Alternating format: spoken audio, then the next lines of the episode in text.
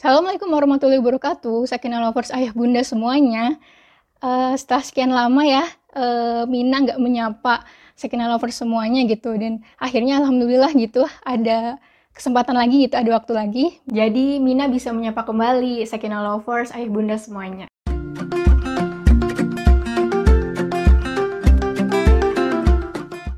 Kali ini juga seperti biasa gitu ya, Mina bakalan nggak sendirian nih. Amina tuh bakal ngobrol-ngobrol gitu sama Kang Canun juga. Nah Kang Canunnya udah join nih di Zoom ini nih. Assalamualaikum Kang. Waalaikumsalam warahmatullahi wabarakatuh. Gimana kabarnya nih Kang? Alhamdulillah meskipun lagi agak loyo dikit tapi tetap seger gitu Alhamdulillah hari ini semangat ya mau sharing gitu. Kan setelah sekian lama nih kita nggak ngobrol-ngobrol terus bareng sama Sakina Lovers semua ya Kang iya ya udah lama banget ya. Kayak udah berapa kapan bulan? terakhir kali? Iya. Masya Allah. Iya jadi kangen nih. Semoga ke depannya bisa rutin lagi gitu ya Kang. Siap siap. Insya Allah nah, nah mungkin langsung aja nih. Jadi uh, yang mau kita obrolin kali ini sebenarnya tuh uh, dari ini sih dari rasa penasarannya Mina nih topiknya gitu. Tuh apa tuh apa tuh? Gitu. Jadi uh, ya kan Mina kan masih single gitu ya. Jadi Mina itu Jangan mungkin curhat dong Mina. maksudnya masih cuma masih suka mengamati kayak uh, teman-teman teteh-teteh yang udah menikah gitu, yang udah punya anak gitu. Nah, sebenarnya ada ada sedikit pertanyaan yang mengganggu gitu di benak Mina gitu. Jadi gini Kang, sering baca atau bahkan sering teman ada curhat atau baca tweet di Twitter, di medsos lain gitu. Jadi ada statement gitu ya Kang bahwa uh, ketika seseorang itu udah menikah atau bahkan punya anak gitu, itu tuh mereka apa ya kayak kehilangan dirinya gitu loh Kang. gitu kayak gitu. Nah tapi yang Mina tangkep nih, yang Mina tangkep itu maksudnya kehilangan dirinya itu kayaknya sih ya, itu tuh maksudnya kehilangan waktu gitu loh Kang, waktu buat pengembangan diri dia gitu. Jadi ibaratnya, mm -mm, kalau yang Mina tangkep sih gitu ya, gitu. Jadi uh, gimana ya sebelum menikah dan setelah menikah tentu dong waktunya tuh beda gitu. Jadi misal waktu masih single kayak Mina gitu masih single kan masih punya banyak waktu gitu Kang buat akhirnya pengembangan diri terus ngelakuin hal-hal yang apa sih disebut produktif gitu ya. Zaman sekarang mungkin nyebutnya produktif gitu. Sementara ketika udah menikah itu kan pasti uh, waktunya tuh tersita gitu Kang buat suami lah, buat istri, terus belum yang udah punya anak gitu. Nah, jadi emang bener gitu ya kalau orang seseorang yang sudah menikah apalagi punya anak itu tuh akan kehilangan dirinya gitu. Itu gimana, Kang? Menurut Nina saya kehilangan diri nggak ini? Berat banget nih bahasanya ya. Tapi saya ngerti maksudnya ke mana. Karena eh, apa ya kalau misalkan yang kayak gitu, yang seolah-olah berkeluarga itu mengekang, menghambat gitu ya? Iya, mm. itu jadi jadi nggak produktif lagi. Nah itu okay. produktif itu. Emang maksud produktif itu apa sih? Yang Mina kebayang tuh produktif itu sesuatu yang seperti apa sih?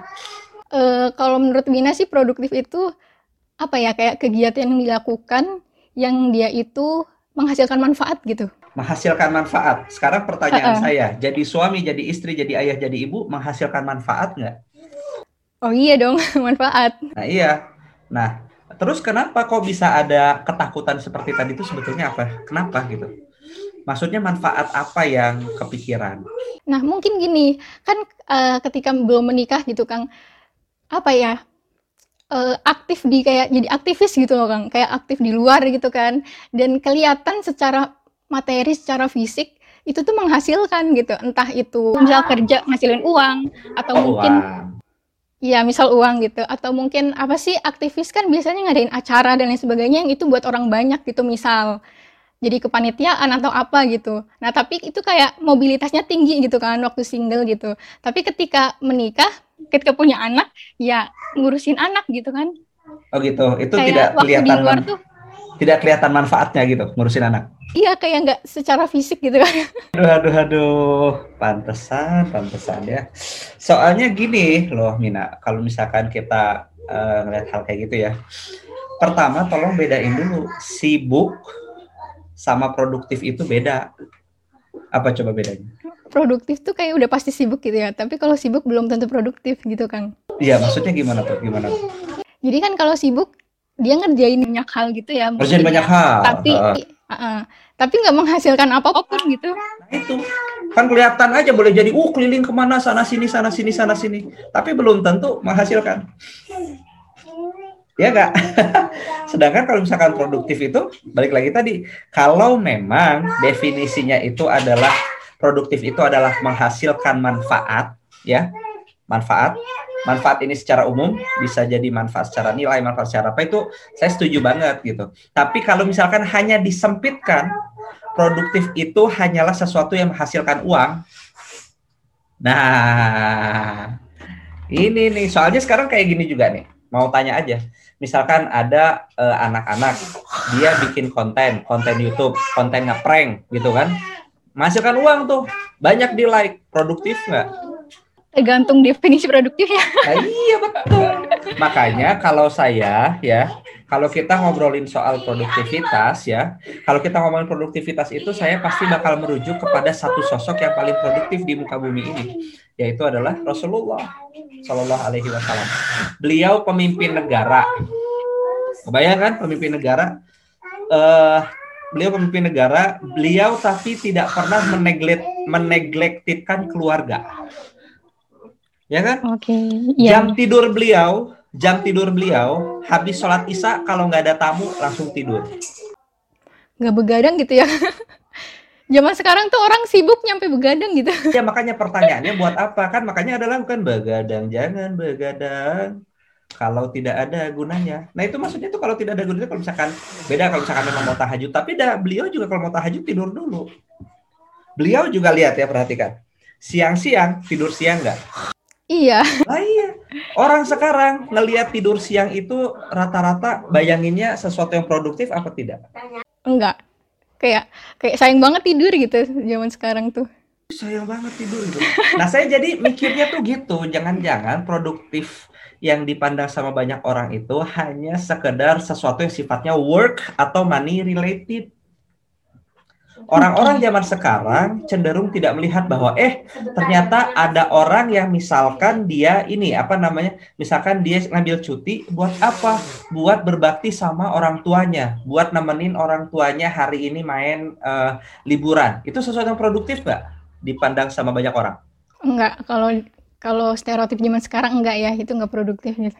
Tapi sebetulnya itu sesuatu yang produktif kah? Iya sih, Kang.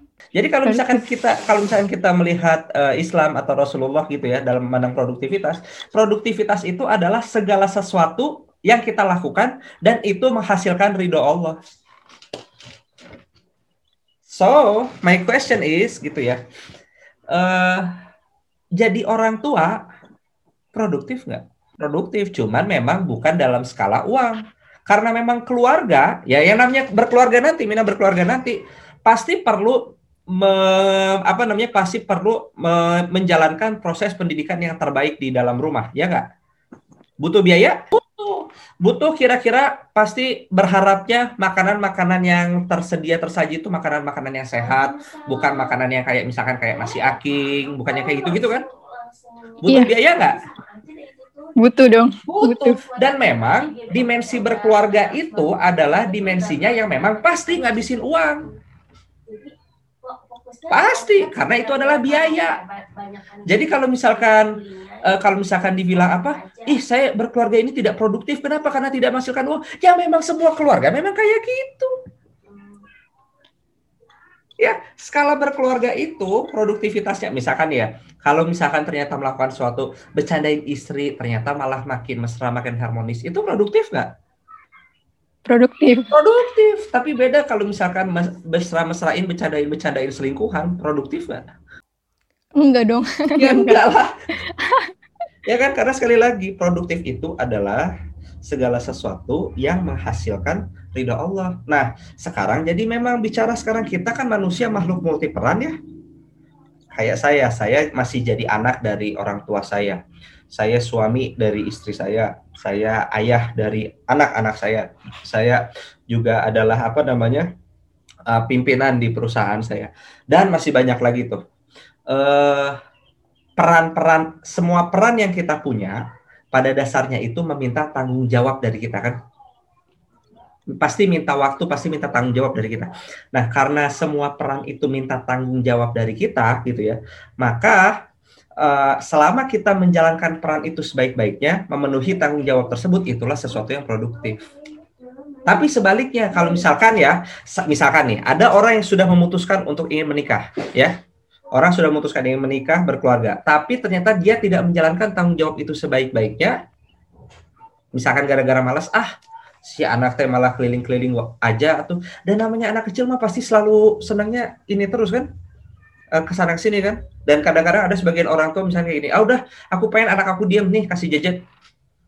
Nah itu produktif mbak enggak enggak produktif. Itu kemalasan kemalasan orang tua. Karena dimulai dari ketidaksadaran akan perannya. Jadi nah sekarang balik lagi. Kalau misalkan sekarang uh, milih nikah ya. Makanya nikah juga orang kebanyakan itu salah mindset sih. Mindset kebanyakan orang niat nikah itu kan rata-rata kebanyakan karena pengen bahagia kan. Dengan kata lain niat nikah pengen bahagia itu bahayanya adalah kurang lebih itu tuh bisa diterjemahkan dengan bahasa lain Mina. Jadi niat nikah pengen bahagia itu adalah niat nuntut dibahagiakan sama pasangan. Nuntut dia lupa, dia luput bahwa menikah itu berarti bertambahnya peran saya, bertambahnya kewajiban saya di saat waktu saya tetap sama 24 jam. And you choose that, ya, yeah, you choose that, so responsible with that. Dan masalah, loh kok ini saya jadi uh, tidak menghasilkan, jadi tidak kayak gini kayak gini. Hey, itu ada uh, apa namanya? Itu adalah konsekuensi dari apa yang sudah engkau pilih. Maka produktiflah di situ dan jangan disamakan, ih kenapa ya kok saya tidak bisa menghasilkan uang setelah berkeluarga? Please deh, dimensinya aja beda. Oke, okay? nah so di sini gitu kepenting apa namanya kepentingannya kita perlu membedakan dan melihat kembali produktif itu seperti apa. Makanya kalau misalkan ngelihat balik lagi tadi, produktif itu adalah segala sesuatu yang menghasilkan ridho Allah gitu ya. Bercandain pasangan. Produktif? Produktif. Bacain buku ke anak produktif? Produktif, dong. Banyak hal-hal yang produktif yang bisa dilakukan. Jadi kata siapa? Kok nikah saya jadi nggak produktif lagi sih? Jangan-jangan isi kepala Anda tentang produktivitas itu adalah sesuatu yang kurang tepat. Oke, jadi definisinya itu ya Kang yang harus dibetulin gitu ya. Iya, itu kan saya jadi ingat juga tuh, kemak tahun berapa ya? Sempat baca di artikel di Atlantik ya, di atlantik.com Atlantic.com itu penulisnya ada yang nulis namanya Derek Thompson. Derek Thompson itu nulis kayak gini. Uh, workism makes American miserable. Workism makes American miserable. Nah, jadi apa hubungannya sama obrolan kita saat ini gitu ya? Ketika kita punya pandangan bahwa produktivitas itu adalah segala sesuatu yang kaitannya adalah work atau money related, jangan-jangan kita tanpa sadar adalah penganut workism kalau ini udah ada ism berarti kan sudah ada semacam aliran ya. Kayak apa namanya ya workism. Jadi segala satu yang berpikir pokoknya tuh pusatnya kehidupan itu adalah pekerjaan. Gitu. Ini workism ini adalah sesuatu hal yang menurut saya berbahaya banget gitu. Karena sejak kapan work itu sebesar life? Work itu hanya satu dimensi dari hidup kita dan jadi kalau kita mau melihat produktivitas secara umum, kita lihatlah produktivitas secara kehidupan itu sebetulnya seperti apa sih? Ternyata bukan hanya di work. Gitu. Terus jadi kepikiran nih Kang, kan tadi katanya work, work itu nggak setara sama life gitu ya? Iya kan, nggak setara gitu. Tapi ada istilah work work life balance gitu. Jadi kerja sama life tuh seimbang gitu. Berarti harusnya nggak seimbang dong Kang, karena kan nggak sepadan gitu work itu hanya sebagian kecil dari life. Jadi uh, tidak apa? Jadi kalau work life balance itu kan asumsinya adalah work sama life itu sama gede. Iya. Nah, nggak bisa, nggak bisa work life balance. Work itu hanya bagian kecil dari life. Nih, okay. jadi misalkan ada, ya mirip kayak jari saya lagi nih. Ini namanya tangan kan. Nah, anggaplah kalau ini adalah kehidupan, work itu semacam satu jari doang. Oke okay, oke. Okay. Iya orang cek aja cek aja uh, apa namanya manusia yang kerjanya hanya sekedar kepikiran work work work work work itu nggak beres. Kayak lagu. Khawatirnya khawatirnya itulah workism gitu. Jadi semacam Derek Thompson sendiri yang bilang ya workism itu Derek Thompson sendiri yang bilang itu jadi semacam agama baru di Amerika. Karena ya itu dari kecil misalkan ya anak-anak dari kecil sudah langsung dipikirin, nah kamu mau kerja jadi apa bayangin. kamu mau kerja jadi apa? Misalkan lagi kenalan aktivitasnya apa, ditanyanya masalah work. Kalau misalkan di ya kayak sekarang misalkan ada ibu-ibu gitu ya, eh ada perempuan uh, kuliah S1, S2, S3 jadi ibu rumah tangga, ih, nah kan langsung ih, kesannya kayak yang gimana gitu emang workism banget nih ya seolah-olah ya. Jadi saya kayak jadi menyetujui itu kata-katanya Derek Thompson tadi, workism itu sudah jadi semacam aliran agama tersendiri yang uh, tidak disadari itu dianut sama banyak. Kalau itu uh, beliau nelitinya di Amerika, nggak tahu di sini gimana. Nah oke, jadi ini ya Kang, maksudnya kalau ada ibu rumah tangga yang full time, full time ngurus anak, pokoknya full time jadi ibu rumah tangga itu bukan berarti nggak produktif, berarti ya. Bukan berarti jadi nggak menghasilkan gitu kan. Kalau standarnya bukan yang money money related tadi gitu. Nah terus tapi nih Kang kan tadi kalau kita lihat contoh Rasulullah gitu ya kan Rasul itu udah kepala negara terus apa tuh namanya tapi nggak tapi tetap ngurusin keluarganya juga gitu yang padahal istrinya banyak gitu. Nah berarti kan eh, apa ya seorang muslim berarti sebenarnya juga bisa lebih dari itu nggak sih Kang? Bisa lebih dari sekedar misal ngurus anak gitu. Kayak misal nih Mina juga lihat Kang Canun sama Teh Fufu gitu. Kan Kang Canun uh, keluarganya juga jalan tapi bisnis juga tetap jalan gitu loh Kang. Sebetulnya gini kita bikin sederhana aja ya. Masya Allahnya tuh Islam bikin jadi sederhana banget. Jadi Islam itu kan pedoman hidup ya. Nah jadi kalau misalkan Muslim itu jadi yang pedoman hidupnya itu benar-benar uh, ada pedoman ya gitu. Maksudnya gitu ya muslim itu yang yang ter uh, hidupnya terpedomani. Apa ya? Terbimbing lah gitu ya. Terbimbing sama Al-Quran. Kok terpedoman ini bahasa aneh ini? Uh, terbimbing sama Al-Quran. Nah kan uh, menariknya gini Mina yang melahirkan kita ke muka bumi ini melalui wasilah orang tua kita itu adalah Allah Subhanahu wa taala kan. Nah, Menariknya adalah kenapa Allah melahirkan kita ke muka bumi ini? Iseng aja gitu Allah. Enggak dong, nggak mungkin. Iseng aja lah gitu. Itu tuh sperma sama ovum orang tua ketemu truk jadi. Eh nggak sengaja jadi jadilah canun. Kayaknya nggak banget ya kayak gitu kan. Nah itu kenapa tuh Mina? Kenapa kita dilahirkan ke muka bumi ini? Ada tujuannya dong Kang. iya apa tujuannya? ya jelas meraih ridho Allah gitu ya gimana caranya ya apa namanya melakukan semua yang Allah perintahin gitu secara atau sederhana. Apa istilahnya itu beribadah gitu ya? Oh ibadah ya itu azariyat di mana kan? Gitu. uh -uh, istilahnya. azariyat kan? Ada satu ayat lagi. Ya. ada satu ayat lagi. Nah jadi tapi kita bedah dulu ya masalah azariyat 56 tadi masalah ibadah. Uh, ibadah itu uh, kalau misalkan Mina dapat telepon dari Muri bilang, wah ini kami dari Muri, insya Allah besok direktur Muri mau datang ke rumah, mau memberikan sesuatu kepada, memberikan penghargaan kepada Mina gitu. Rasanya gimana? Seneng banget dong, seneng banget kalau Muri datang beneran.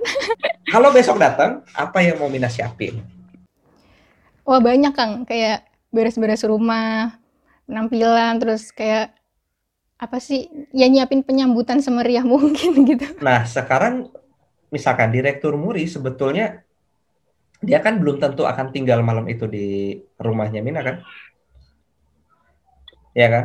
Jadi iya. sebetulnya ya. rumah dirapihin ya itu cuma buat sightseeing doang kan? Itu bukan kebutuhan dia aslinya kan? Bukan, bukan kebutuhan. Dan juga kalau misalkan uh, makanan gitu, bisa aja nggak dia cuma ngasih kemudian dia pergi nyari makanan lain di tempat yang lebih enak daripada masakannya Mina? Iya mungkin banget. Nah, tapi kita tetap ngasih kayak gitu gitu ya. Nah, itu tuh adalah hubungan kita sama direktur Muri. Andai besok direktur Muri datang kepada kita ngasih penghargaan kan. Nah, luar biasanya tuh kayak gini. Kalau kita dapat apresiasi dapat sesuatu dari direktur Muri aja sedemikian bangga, selama ini pemberian Allah kepada kita tuh bikin kita rasanya gimana? Bikin kita bangga, minimal bangga seperti itu atau ngerasa biasa-biasa aja? Karena pemberian Allah penguasa langit dan bumi ini kepada kita, kepada hambanya itu adalah namanya nikmat. Itu namanya nikmat. Kadang-kadang gimana kita menerima nikmat itu? Allah alam ya. Nah, dan kebalikannya, kalau tadi kita mempersembahkan sesuatu untuk direktur murid meskipun direktur murid tersebut gak butuh-butuh amat gitu ya. Sama. Jadi ibadah itu adalah aktivitas persembahan seorang abid seorang hamba kepada robnya. Kepada robnya kan. Meskipun robnya itu sama sekali nggak butuh. Allah yang maha kaya sama sekali nggak butuh.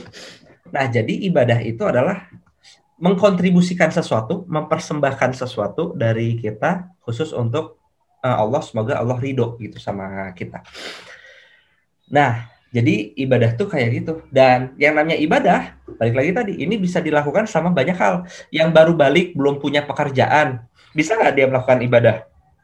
Oh, saya ngeliat ada buah ada sampah sembarangan. Mungut sampah, melakukan suatu pengorbanan, mungut sampah dan kemudian buang ke tempat sampah.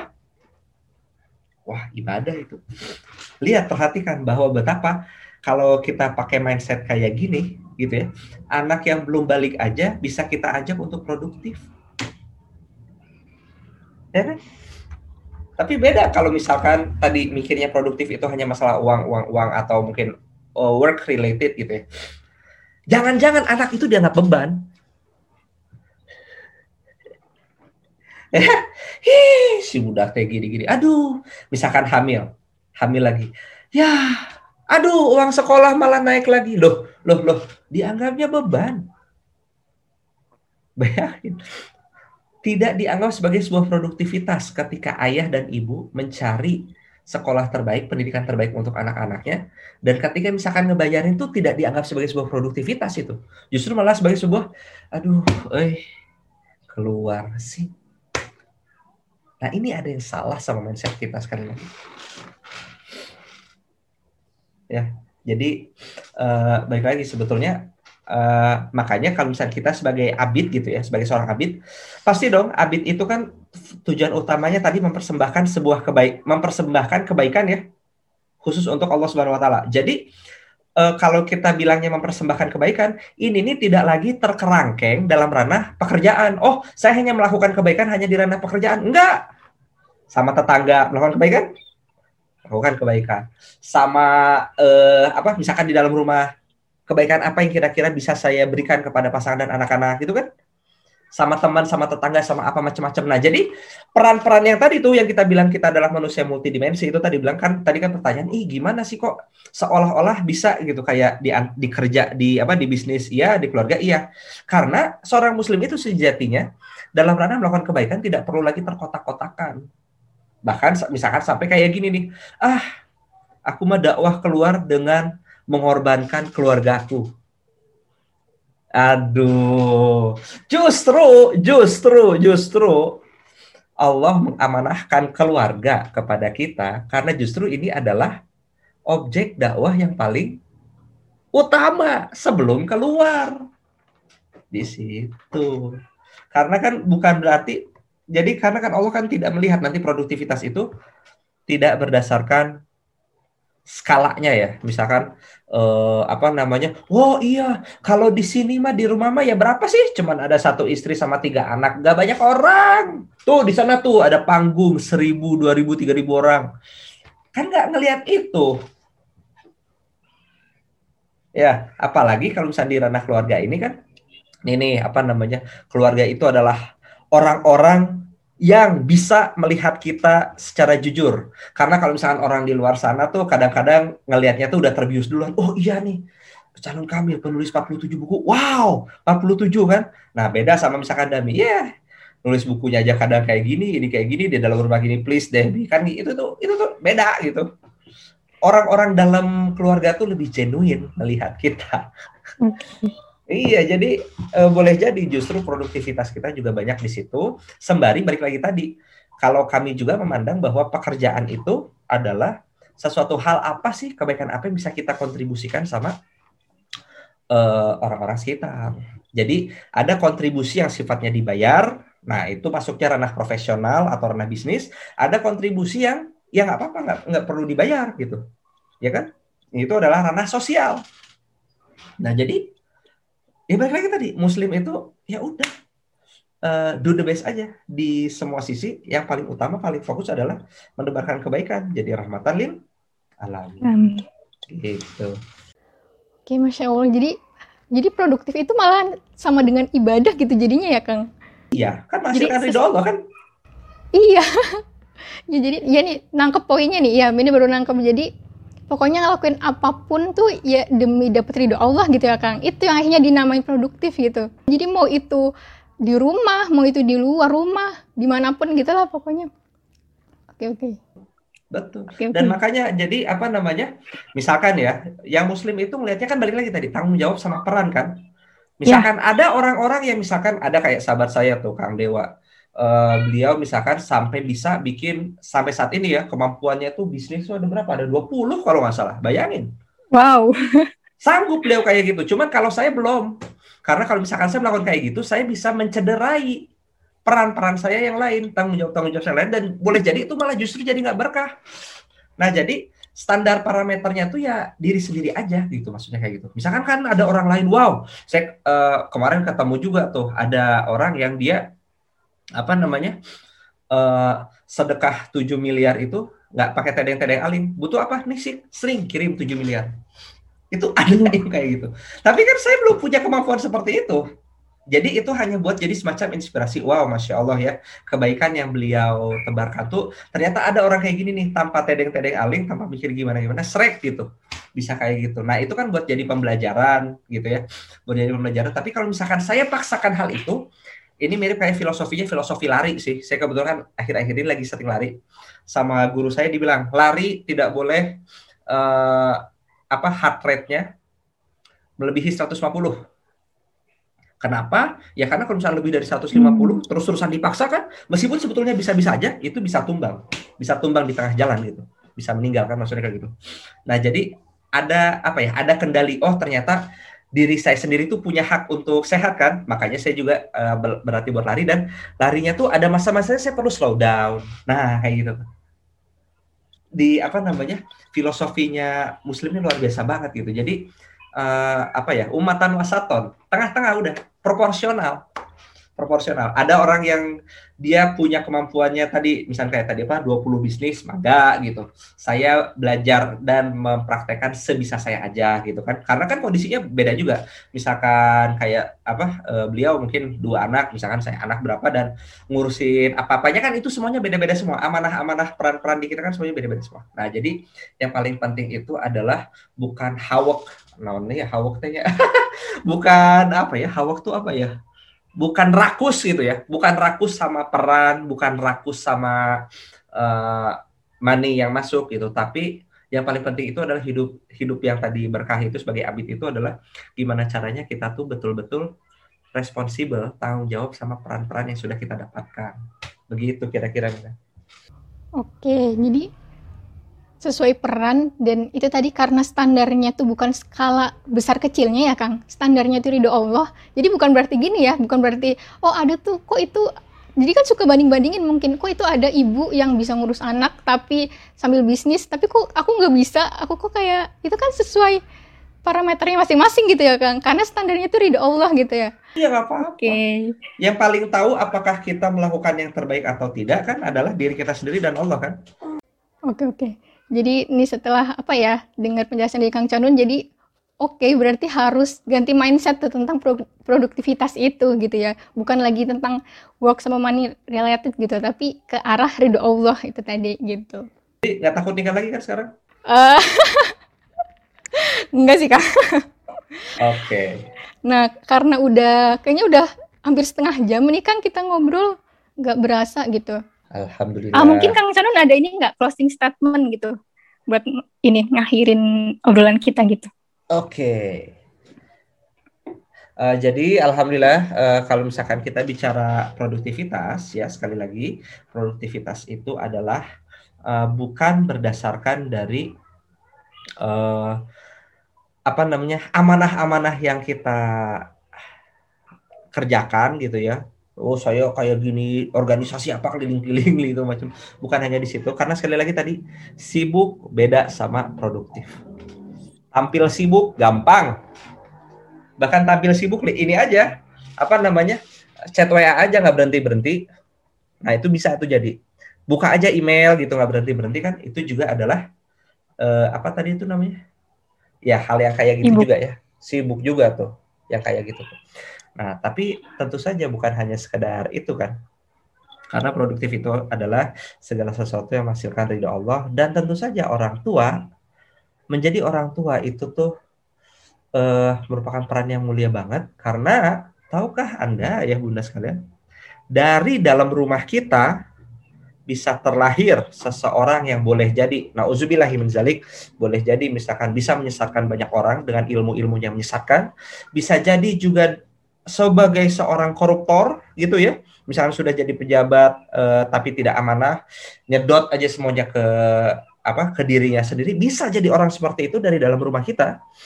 Jadi sederhananya dari dalam rumah kita bisa jadi terlahir seseorang yang merusak generasi, bisa jadi. Tapi satu lagi, bisa jadi juga orang apa namanya dari dalam rumah kita itu terlahir seseorang yang menjadi pembawa cahaya untuk orang-orang di sekitarnya. Maka kalau kita tahu, wow ternyata orang tua tuh perannya kayak gini ya, pastikan setiap detiknya membersamai pasangan dan anak-anak itu jadi menjadi sesuatu yang sangat-sangat produktif dan kira-kira ini nih proyek jangka panjang banget. Proyek jangka panjang kayak gini, masa sih ngelakuin kayak gini nggak produktif. Oke, jadi sekian dari saya. Ah, masya Allah, closing statementnya lumayan ini juga berbobot lagi gitu. nah, gitu ya ya Bunda. Jadi uh, jangan ngerasa nggak produktif lagi gitu. Kalau misalkan bunda, terutama Bunda nih yang full time ngurus anak gitu, jangan jangan lagi ngerasa nggak produktif gitu. Karena yang ngurus anak itu juga sesuatu yang dalam rangka meraih ridho Allah kan gitu. Nah mungkin Segitu dulu ya, sekian lovers ayah bunda semuanya. Makasih banyak Kang Canun udah sharing-sharing sama kita. Jadi dapet insight baru nih, yang Masya Allah banget gitu. Masih banyak Kang.